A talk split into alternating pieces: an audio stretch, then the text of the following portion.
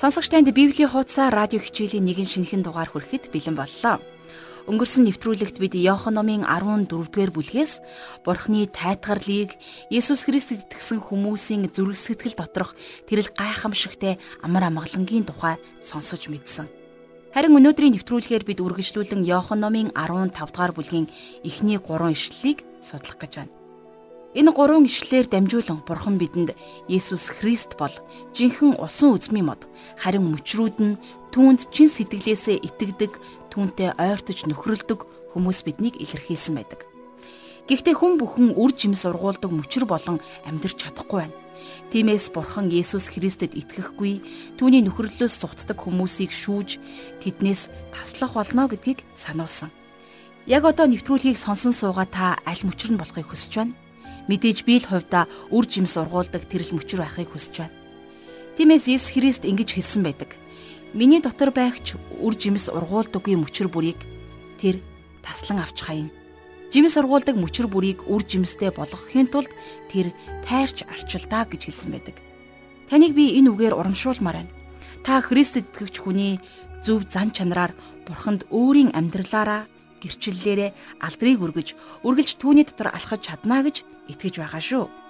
Ингээд бурхны хүссэн үр жимс гаргагч мөчр болохыг түүнээс хүсэмжлэн гуйж залбираад жаргал ах шиг хичээлийг хамтдаа хүлээн аван сонсцгоё. Бурхан эзэн минь би таньда талархаж байна. Таны үгийн дагуу суралцах энэ цаг мөчийг бидэнд өгсөнд баярлалаа эзэн минь. Та биднийг бүгдээрэнг маань үр жимс гаргаасаа гэж хүсдэг. Тэгвэл та өөрийнхөө үгийн дагуу биднийг цэгцэлж, цэвэрлэж та бас арчилж өгөөрэй. Тинхүү бид таны үр жимс ургуулсан л тэрл ам амьдралаараа гэрчлэлээрээ танд алдрыг өргөж амьдрмаар байна. Их эзэн минь үргэлжлүүлэн биднээс энэ хичээлийн цагийг та эхнээс нь дуустал ивэж юрөөж өгөөрэй. Энэ бүхнийг бид танд даатгаж Есүс Христийн нэрээр залбирanгуйлаа. Амен. Ингээд хамтдаа жаргалах шиг хичээлд анхаарлаа хандуулъя.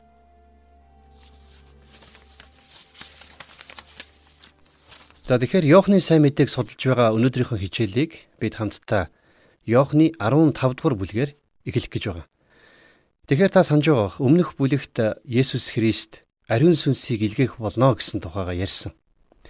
Тэгэхээр 15 дугаар бүлэг болвол Есүсийн дагалдагч нартаа заасан за теологчдын үздгээр дээд өрөөний сургаал багтдаг юм. Магадгүй бидний эзэн дээд өрөөнд эдгээр зүйлсийг хилээг байх л да. Тэгэхээр тэр үнийг хилээгөө гэдгийг нотлохоо болвол 14 дугаар бүлгийн сүүлчийн ишлэл болох босцгоо эндээс явцгаая гэж хэлсэн Есүсийн үг байдаг юм.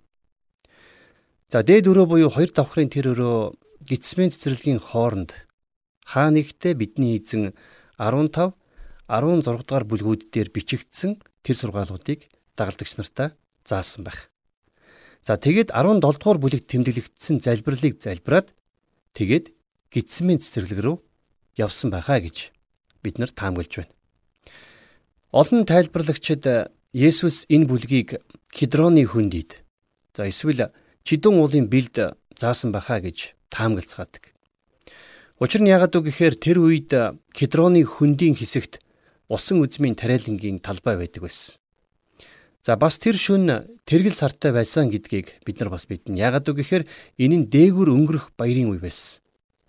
Тэгэхээр Есүс дагалдагч нартайгаа усан үзмийн тариалангийн талбай дундуур алхаж байхдаа эдгээр сургаалаа заасан байж таарах нь байна. За мэдээж энэ нь хамгийн тохиромжтой газар байсан байх. За энэ тал дээр бас нэгэн өөр тайлбар байдаг. Тэгэхээр юу вэ гэхлээр Есүс сүмийн хажуугаар явж байхдаа эдгээр сургаалаа хэлсэн гэсэн нэг таамаглал бий. Дээгүр өнгөрөх баярын үеэр байсан учраас шөнийн цагаар хаалгууд нь нээлттэй байдаг байсан. Сүмийн тэдгэр үзэгсэлэнтэй хаалгууд үнэндээ жуулчдын сэтгэлийг соронзон мэд татдаг зүйлсийн нэг байсан юм. Тэгэхээр эдгээр хаалганы гоёмсог чимэглэлүүдийг грект давтан урлаж тэгээд Иерусалимд авчирсан байдаг. За ингээд Херодийн сүмд байрлуулсан. Эдгээр хаалгуудыг хүрлээр цутгаж хийсэн байсан. Тэдэн дээр алтаар усан үзмийн модыг уралсан байсан. Тэр усан үзм нь Израиль үндэстнийг бэлэгддэг байж. Тэгэхээр энийг дараах ишлүүдээр тайлбарж болно л доо. За дуулал номын 80 дугаар дуулалын 8-аас 9 дугаар ишлэлийг харах юм бол Та усан үзмийн нэгэн модыг Египтээс гаргасан. Та үндэстнүүдийг хөөн гаргаж түүнийг суулгасан. Та түүнд хөрсийг бэлтгэсэн бөгөөд тэр нь газарт гүнзгий үндэслэж нутгийг дүүргсэн гэж байдаг юм байна. За бас Исаи номын 5 дугаар бүлгийн 1 болон за 7 дугаар ишлүүд дээр би одоо хайрттай зориулж түүний усан үзмийн талбайн тухай хайртынхаа дууг дуулъя. Миний хайрт маш үржил шимтэй гүвэн дээр усан үзмийн талбайтай байсан юм. Яагад гэвэл төмөн цэргийн эзний усан үзмийн талбай бол Израилийн гэр. Түүний таалан соригддог ургамал нь Юдагийн ирчүүд юм. Тэр шудраг үннийг ирсэн боловч цус урсгахыг үзв. Зүвийг ирсэн боловч зовлонд дууг сонсчээ гэсэн байдаг. За мөн хуучин гэрээний Иремай номын 2-ын 21-р эшлэлдэр гисэн ч би чамд шилмэл улсан үзэм бүрэн итгэлтэй үрийг тарьсан юм. Тийм атал чи юунд миний өмнө өөрийгөө харин усан үзмийн муудсан дахиа болгов гэсэн байна. Харин Хосе номын 10 дугаар бүлгийн 1 дугаар эшлэл дээрээс харах юм бол Израиль бол сагалгаар усан үзмийн мод. Тэр өөртөө зориулан үр жимсийг гаргадаг гэж бичсэн байна. За тэгэхээр эдгээр ишлүүдээс харах юм бол усан үзмийн мод нь яахын аргагүй Израиль үндэстний нэг дүр зураг гэдэг нь тодорхой байна. За харин одоо Есүс эзэн хамгийн их эргэлтэнд хүргэсэн нэгэн зүйлийг хэлж байгаа. Тэгэхээр энэ нь өнөөдөр та бидэнд магадгүй танил сонсогдож байгаа бол харин энийг сонсоод зогсож байсан дагалдагч нарын хувьд бол үнэхээр хачирхалтай сонсогдсон байна. За ингээд хамгийн ихний ишлэлийг хамтдаа уншицгаая. Иохны 15 дугаар бүлгийн 1-р ишлэл. Би бол усан үзмийн жинхэнэ мод. Эцэг минь усан үзэм тариалагч билээ гэсэн байна. Есүс бол усан үзмийн жинхэнэ мод харин дагалдагч нар нь бол мөчрүүд. Хуурамч зүйлсийн эсрэг жинхэнэ үнэн зүйл гэж байдаг. Энэ үг өмнө нь Иохан номон дээр гарч байсан. За Иохан Баптист гэсэн гэрлийг тусгахаар энэ дэлхийд ирсэн гэдгийг та бид мэднэ. Есүс Христ бол жинхэнэ гэрэл. Бурхан Мөсөгөр дамжуулж Израильчуудад цөлд талах өгсөн. Харин Есүс Христ бол жинхэнэ амийн талах. За тиймээс энд Есүс өөрийгөө би бол усан үзмийн жинхэнэ мод гэж нэрлэж байна. Эдгээр дагалдагч нарт евдээчүүдийн уламжлалт ойлголт байсаар л байсан. Тэдний оюун бодол хуучин гэрээгээр удирдуулдаг байсан л да. Тэр одоо тэдэнд Израиль үндэстэн бол улсын үзмийн жинхэнэ мод биш юмаа гэдгийг хэлж байна. Тэднийг евдэн үндэстэн, еврейн шашинтай адилтгах нь тийм ч чухал зүйл биш юм. Би бол улсын үзмийн жинхэнэ мод гэж хэлснээрээ дагалдагч нарын хувьд одоо Есүс Христтэй холбогдсон байх нь хамгийн чухал зүйл болохыг Есүс заасан байна. Тэгэхээр энэ нь бол тэдний хувьд маш том эргэлт байсан. За энэ үгийг хэлэхдээ Есүс хэл ярианы нэгэн гайхамшигтай хэлбэрийг ашигласан байдаг. Тэр таныг шашин эсвэл ямарваа нэгэн зан үйл өөр чухал зохион байгуулалттай адилтгах нь чухал биш болохыг энэ үгээрээ тодорхой хэлсэн. Харин бид нэр Есүс Христтэй адил байх ёстойг Есүс хэлж байна. Христ дотор бид нэр ариун сүнсний баптизмаар Христийг өөрсдийн аврагч гэдэгт итгэх тэрхүү агшинд бид нар Бурхны хүүхэд болон дахин төрцгөөдөг. За мөн цааш нэмж хэлэхдээ миний эцэг бол усан үзэм тариалагч гэж хэлсэн. Эдгээр үгч гисэн үнэхээр гайхалтай. За яагаад үг гэхээр хуучин гэрээний бичээсүүд сургаалт зөвлөлүүдэд бурхан бол усан үзмийн тариалангийн эзэн гэсэн байдаг. Энд тэрээр усан үзмийн талбайг арчилдаг тэр нэгэн гэсэн үг. Тэгэхээр Есүс бол усан үзмийн жинхэнэ мод, тиймээс эцэг нь түүний төлөө санаа тавьж халамжилдаг байх нь. За хуучин гэрэн дээр эзэн Есүсийг түүний өмнө хуурай газраас урган гарч ирэх нэгэн зөөлөн ургамал гэж иш үзүүлсэн байдаг юм. Есүсийг алахыг хүссэн диаволоос аврахаар эцэг хэр их хөндлөнгөөс оролцсныг та бодоорой. Эцэг бурхан усан үзмийн жинхэнэ модыг анхаарч халамжилсан. Тэгэхээр тэр мөчрүүдийг ч гэсэн бас халамжлах болно. Яагад гэвэл мөчрүүд модонд холбоотой байдаг шүү дээ. Өөрөөр хэлэх юм бол тэд нэр жимс ургуулахын тулд модтой холбоотой байдаг. За тийм учраас 2 дугаар ишлэл дээр Йохан нэгэн гурван чухал үгийг тэмдэглэн үлдээсэн байна. За 2 дугаар ишлэгийг хамтдаа харъя. Миний дотор байгч жимс ургуулдаггүй мөчр бүрийг тэр авч хайна. Жимс ургуулдаг мөчр бүрийг их жимстэй болгохын тулд тэр тайрч арчилдгаа гэж бичсэн. За тэгэхээр миний дотор гэсэн үгсийг бүгдээрээ хамтдаа бодож үзцгээе. Энэ бол Христ дотор гэсэн үг. Энэ нь аливаа хүн аврагдсан байх ёстой гэсэн утга санааг илэрхийлж байна. Гимээ цагаатгах, эвлэрүүлэл, золилт гэх мэт авралын тодорхой үе шатуудыг илэрхийлэх гайхамшигтай үгсүүд байдаг. А гэхдээ авралын нийт хамрах хүрээ бол Христ дотор гэдэг хэллэгт л бүгд багтаж байдаг юм. Тэгэхэр вэ штэ. Христ доторх тэдгэр хүмүүс болон За Христ дотор биш тэдгээр хүмүүс гэсэн хоёрхан төрлийн хүмүүс байна гэсэн үг. Харин тэгвэл та хэрхэн Христийн дотор орж чадах вэ? Гагцхүү шин төрөлтөөр. Та Есүс Христийг аврагч гэж итгэж найдах үедээ итгэлээрээ дамжуулан Бурхны хүүхэд болдог. Та Бурхны сүнсээр дахин төрсөн гэсэн үг. Харин ариун сүнс өөр зүйлийг хийдэг. Тэр зөвхөн таны дотор оршоо зогсохгүй тэр танд ариусгалын баптизмыг хүртээдэг. Тэгэхээр ариун сүнс бол итгэгч хүн бүрийг Христийн бие рүү аваачдаг зүйл. За дараагийн үг болвол миний доторх мөчр бүр гэсэн үг. За энэ үг болвол яахын аргагүй итгэгч нарт зориулагдсан хэлэгдсэн байна. Есүс Христийн дотор аль хэдийнэ байгаа за багтсан тэдгэр хүмүүст хандаж өгөгдсөн гэсэн үг. Есүс энэ үгээр дамжуулаад авралын талаар биш. Харин үр жимс ургуулах талаар ярьж байна. Тэгэхээр үр жимс гэдгийг эхний 10 ишлэлд 6 удаа дурдсан байгаа. За тэгээд цаашлах юм бол бид үр жимс ургуулах 3 хэмжээ байдгийг харах болно. За нэгдүгüүрт нь үр жимс. За тэгээд цаашлах юм бол илүү их үр жимс. Тэгээд их үр жимс. Тэгэхээр энд бидний ярих бүх сэдв болвол үр жимс ургуулах талаар байх нь байна. Миний дотор байгч үр жимс ургуулдаггүй мөчр бүрийг тэр авч хаях болно гэсэн гурав дахь үгийн талаар одоо ярилцгаая. Тэгэхээр Есүс үр жимс ургуулдаггүй мөчр бүрийг тайрч хайна гэсэн нь яг ямар утгатай вэ? 6 дугаар ишлээс хамтдаа харцгаая. Хэрв хин нэг нь миний дотор байхгүй бол мөчр мэд хаягдаж хувхаарна.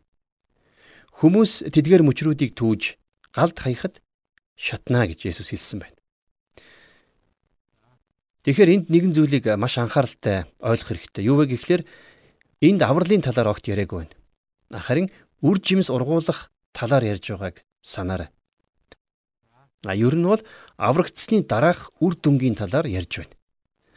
За тэгвэл одоо үр жимс гэж яг юу вэ гэдгээс яриагаа эхэлцгээе. За энд дурддагдж байгаа үр жимс гэдэг бол сүнсийг аврах талаар хилдэгэ гэж би хувьдаа итгэдэг. Харин олон хүн тэгж боддог юм шиг байна. Сүнсийг аврах гэдэг нь дагалдах зүйл болохоос өөрөө үр жимс биш. Тийм учраас энд яригдж байгаа үр жимс бол сүнсний үр жимс байгаа юм. Тэгэхээр та бүхэн мэднэ Галатийн 5-ын 22-оос 23 дугаар ишлэлдэр сүнсний үр жимсийн тухай бичсэн байдаг. За би энийг гэж татаа уншия л та. Харин сүнсний үр жимс нь хайр, баяр баясгалан, амар тайван, төвчээр, инрэл, сайхан сэтгэл, итгэлтэй байдал, дүлгөөн зан, өөрийгөө захирах байдал юм. Эдгээрийн эсрэг хууль гэж байдаггүй юмаа гэсэн байна. Энэ бол итгэгч хүний амьдралаас ургаж гарах ёстой үр жимснүүд. Тэгэхээр хүн Христ дотор байснаар үр дүнтэй залбирал, байнгын үр жимс, за тэгээд Тэнгэрийн баяр хөөргийг хүртэх боломжтой болдгийм. За 15 дугаар бүлгийн 7 дугаар ишлэгийг хамтдаа уншицгаая. Хэрв та нар миний дотор, миний үгс та нарын дотор байвал та нар юу хүсснээ гуй. Тэгвэл та нарын төлөө биелэх болно гэж. Мэдээж энэ болвол өр нөлөөтэй залбирлын тухай ярьж байна. Тэгэхээр яг ийм үр жимсээр бурхан эцэг минь алдаршуулгадана гэж Есүс 8 дугаар ишлэлдэр үргэлжлүүлэн ярьсан байна. Та нарын их жимс ургуулснаар эцэг минь алдаршуулгадана. Ийхүү та нар миний шавнар байх болно гэж хэлсэн. За энэ бол байнга байх үр жимсийн тухай ярьж байна. Харин Тэнгэрийн баяр хөөргийг дараагийн ишлэлд ингэж тайлбарлсан байдаг. За хамтдаа 11-р ишлэгийг харцгаая. Миний баяр баясгалан та нар дотор байж та нарын баяр баясгал нь дүүрэн болохын тулд энэ бүхнийг би та нарт хэллээ гэж. Тэгэхээр хэрвээ хүнд амьдралд нь ийм үр жимс байгаа бол тэр хүмүүсийг өөрийн амьдралаараа Бурхны оршихуй руу авчрах болно. Тэгэхээр Есүс хэлсэн байна. Миний дотор байгч үр жимс ургуулдаггүй мөчр бүрийг тэр авч хаях болно гэж. Бурхан бидний амьдралд үр жимсийг хүсдэг ч гэсэн хэрвээ мөчр үр жимс ургуулахгүй бол тэр тэр мөчрийг яагаад авч хайдаг вэ? Энийг зайлуулдаг аргуудын нэг бол тийм хүнийг үр жимс ургуулах газраас нь зайлуулдаг. Өнөөдөр ийхүү зайлуулагдсан олон хүнийг би хувьдаа мэднэ. Яагаад гэвэл тэд нар бурхны хувьд үр ашигтай байхаа болсон гэсэн үг. Тэгэхээр үр жим сургуулга болсон эдгээр мөчрүүдийг зайлуулах нь үхлээр за бүр заримдаа бодит үхлээр ч гэсэн ирдэг. Энийг хожим нь Йохан өөрийнхөө бичсэн эхнийхээ загтлын 5:16 дээр ингэж хэлсэн байдаг. Хэрв хин нэг нь үхэлд хүргэхгүй нүгэл үлдэж байгаа ах トゥ угээ харвал залбирanгүй. Тэгвэл үхэлд хүргэхгүй нүгэл үлдэхсдэд амийг тэр өгнө. Үхэлд хүргэх нүгэл гэж би. Үүний төлөө залбир гэж би хэлэхгүй гэж. Тэгэхээр үхэлд хүргэх гим нүгэл байдгиймаа гэж хэлсэн байна. Христ итгэлийн хүн бурхан түүнийг үр жим сургуулах газраас нь үхлээр зайлуулах хүртэл гим нүгэл хийхээ үргэлжлүүлсээр байж болдог. За Үйлс номдэр гардаг Анания Сафира хоёр эртний чуулганаас үхлээр зайлуулагдсан. Тэр нь ариун үр жимс ургуулдаг чуулган байсан. Харин тэр хоёр худалч тэр чуулганд үлдэж чадаагүй. Тэд нэр өнөөдөр бидний зарим чуулгануудад маш тухтай байж байх байсан бахаа гэж би хувьдаа боддог. Харин бурхан тэднэрт эртний чуулганд үлдэхийг нь ягаад ч юм зөвшөөрөөгүй байна. Жимс сургуулдаг мөчр бүрийг их жимстэй болгохын тулд тэр тайрч арчилдаг гэж Есүс хэлсэн. Тэгэхээр зарим хүмүүс тайрч арчлахыг цэвэрлэх гэдэг утгаар нь тайлбарладаг. За бурхан ч мөн хин нэгнийг ариусхан төлөвшүүлэхийн тулд тайрч арчилдаг. Эзэн цэвэрлэгээ хийдэг гэдэгт эргэлзэх зүйл нэгч байхгүй. Тэр бидний амьдрал руу орж ирсэн буруу зүйлсийг минь хөөн гаргадаг. А ингэж хөөж гаргах процесс нь заримдаа өвтгдөг. Тэр биднийг хазаарладаг зүйлсийг зайлуулдаг. Өөрөөр хэлэх юм бол үр жим сургуулахад саад болдог зүйлсийг маань тайрч цэвэрлэдэг гэсэн үг. Олон хүмүүс тайрч арчлах энэ аргаас болж гомдож за тэгээд эннээс болж бурхнаас холддог. Харин бид нар бурханд хэдий чиний ойр байна бурхны арчилгаа цэвэрлэгээ хийх үеийн өвдөлт баг байх болно. Эзэн өөрийнхөө хайрладаг хүнийг шийтгдэг юм. А гэхдээ бурхны шийтгэл нь биднийг хайрладагтаа л хийдэг зүйл юм а гэдгийг та бид нар ойлгох хэрэгтэй. За тэгэхээр энэ ишлэл дээр гарч байгаа тайрч арчлах гэдэг үг бол шууд утгаараа бас цэвэрлэх гэсэн утгатай. За би Израильд явж байхдаа усан үзмийн тариалангийн газруудаар явж үзсэн. Тэгэхээр усан үзмээ газраар ургуулдаг болохоор тэднийг шороо болгохгүй тулд хад төшүүлн ургуулдаг. Усан үзмнүүд газраар ургадаг болохоор шороо болж улмаар шавж хорхоо үүрлэх аюултай. Харин ургац хураахаас өмнө усан үзмүүдээ бүгдийг нь угаадаг. За яг энэ шиг бурхан бидний амьдралд ирж биднийг өргөж за тэгээд биднийг бас угаадаг байна. Тэгснэр бид нар илүү их жимс ургуулах болно. А тэгвэл энийгээ бурхан яг яаж хийдэг вэ? За 15 дугаар бүлгийн 13 дугаар ишлэлийг харах юм бол Миний хэлсэн үгнээс болж та нар хэдийн цэвэр болжээ гэж Есүс хэлсэн. Тэгэхээр тайрч арчлах нь Бурхны үгээр хийгддэг байна. Бурхны үгийн цэвэрлэг хүч бол гайхалтай. А гэхдээ яг реклам дээр гарч байгаа шиг хизээч тийм гайхалтай цэвэрлэлтийг угаалгын нутагтаа би учирч байгаагүй. Тэгэхээр цорын ганц жинхэнэ угаалгын гайхамшиг бол Бурхны үгийн цэвэрлэх хүч чадал юм. За тэгэхээр энэ тухай Иесусийн дагалдагч Петр өөрийнхөө бичсэн 1-р захидлын 1-р бүлгийн за 22-оос 23 дугаар ишлэлдэр ингэж бичсэн байна. Та нар үнэнд дуулууртай байснараа сэтгэлээ ариусгаж чин сэтгэлээсээ ах дүүсээ хайрлах болсон учраас бие биеэ зүрх сэтгэлээсээ халуунаар хайрлах тун. Учир нь та нар устдах үрээс бус харин үл устдах үрээс буюу Бурхны амьд оршин буй үгээр дамжуулан дахин төрсөн билээ гэж. Тэгэхээр бид нар Бурхны үгээр гим нүглээсээ угаагдж дахин төрсөн байх нь. Тэгсэн ч энэ дэлхий дээр амьдарч байгаа учраас ахиад л бохирддог. Тийм учраас бид нарыг байнга цэвэрлэх Бурхны үг бидэнд өдр болгон хэрэгтэй. Тийм учраас бид нар Библийг өдр болгон уншиж судлах шаардлагатай байдаг. За дуулал номын 119 дугаар дуулалын 9 дугаар ишлэлийг би энд сануулсан дурдмаар байна. Залуу хүн зам мөрөө хэрхэн цэврээр хадгалах вэ? Таны үгийн дагуу сахиснаар гэж зааварлсан байна. Тэгэхээр бид нэр цэвэр байхын тулд тийм ээ бид нар үргэлж бурхны үгтэй хамт байх ёстой байх нь. А гэтэл харамсалтай нь олон итгэгч нар бурхны нэгүүлсээр аврагдсан итгэлтэй байгаа бол яаж ч амьдрсан хамаагүй гэж хөнгөн бодолтой явцгаадаг. За над итгээрэй. Бурхан та биднийг түүний хүслийн дагуу явахгүй байгааг илчлэхийн тулд өөрийнхөө үгийг ашигладаг. Бурхантай харилцах харилцаанд жинхэнэ эсхийг шалгах жинхэнэ шалгуур бол тэр хүн Бурхны үгийг судалж байна уу? Үгүй юу гэдгээс хамаарна. За тэгээд ингэж судалсан үгээ үнэхээр өөрийнхөө амьдралд хэрэгжүүлж байна уу гэдгээс бүх юм харагддаг. Учир нь яагаад үг гэхээр бурхан биднийг өөрийнхөө үгэнд дуулууртай байлгахыг л хүсдэг. Бурхны үгэнд дуулууртай байх талаар дуулал номон дээр бас нэгэн ийм дуулал байна. За 119 дугаар дуулалын 67 дугаар ишлэл дээр Зовж шаналхынхаа өмнө би буруу зүг рүү явсан байжээ. Харин одоо би таны үгийг сахин биелүүлдэг. За 71-р ишлэлдэр Миний зовн шаналсан нь таны зарилгуудыг сурах болсон нь надад тустай. Тэгэхэр бурхан биднийг бурхны үг рүү авчрахын тулд заримдаа зовлон ашигладаг. Хэрвээ та бурхны үгийг судалдаггүй бол та бурхны өмнө цэвэр байна гэж бити бодоорой.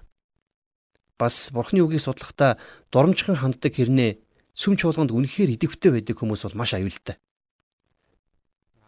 Би тэднийг Бурхны үгний эсрэг Христийн энэ дэлхийд ирэх болсон шалтгааны эсрэг хамгийн аюултай хүмүүс гэж боддог.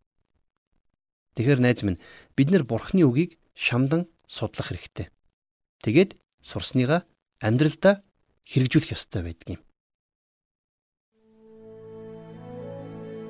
Тэгэхээр хичээл зааж өгсөн жаргал агштай үнэхээр их баярлалаа. Та бид өнөөдөр түүний хичээлээс Есүс Христэд чин сэтгэлээсээ итгэж үр жимс ургуулan Бурханд алдрыг өргөх ёстой гэдгийг сурч авлаа шүү дээ. Харин та усан үзмийг жинхэнэ утгаар нь яаж тарьдаг, тарих явцдаа хэрхэн арчилдаг, мөн амттай гоё усан үзмийн жимсийг яаж ургуулах талаар мэдхүү. Үнэн дээр усан үзмийн мод эхний 3 жилдээ огт үр жимс өгдөггүй юм байна. Тэгэхэр тариалагч төвчээртэйгээр бас хамгийн зөв аргаар түүнийг арчилж тордох хэрэгтэй гэсэн үг. Хэдийгээр саглагар сайхан ургасан ч салаа мөчөр бүрн модноосоо ус тэрл үр шимийг авч тэр хэмжээгээр үр жимс ургуулдаг гэсэн үг. Тиймээс тариаланч тэр олон салаа мөчрүүдийг тайрч зөвхөн сайн үр жимс ургуулж чадах нэгээс хоёр салаа мөчрийг л үлдээж үр жимсгүй мөчрүүдийг тайрч хайдаг байна. Яг л үүнтэй адилхан үр жимс ургуулагч нэгэн байх юм бол бид бурхнаас амийг хүлээн авах болно. Бас бурхан үр жимс ургуулагч тэр мөчрийг улам илүү арчлан тордож илүү их үр жимс гаргахад маань тусалдаг байна. Бурхан ариун сүнсээрээ дамжуулан биднийг тийхүү дасгалжуулдаг. Тиймээс бид түүний оршихуй, түүний дуу хоолойг сонсох нь үнэхээр чухал. Ингээд хамтдаа өнөөдрийн үр жимс ургуулсан амьдралаараа гэрчлэл хийж түүнийг алдаршуулж амьдарцгаая бүх ам амьдралаа бурхны өмнө дэлгэн талархан залбираад нэвтрүүлгээ өндөрлөё. Бурхан эцэг минь би таньда талархаж байна. Биднийг тайвшруулахаар туслагч ариун сүнсээ илгээсэн таньда бид баярлалаа. Та бидэнд түүний дуу хоолойг сонсож, түүний зөвлснөөр зөв алхам сонголтуудыг хийж амьдрахад та биднийг дотроос мань ятгах өгөөрэй. Би танд бүхий л ам амьдралаа даатгаж Есүс Христийн нэрээр залбирanгуйлаа. Амен.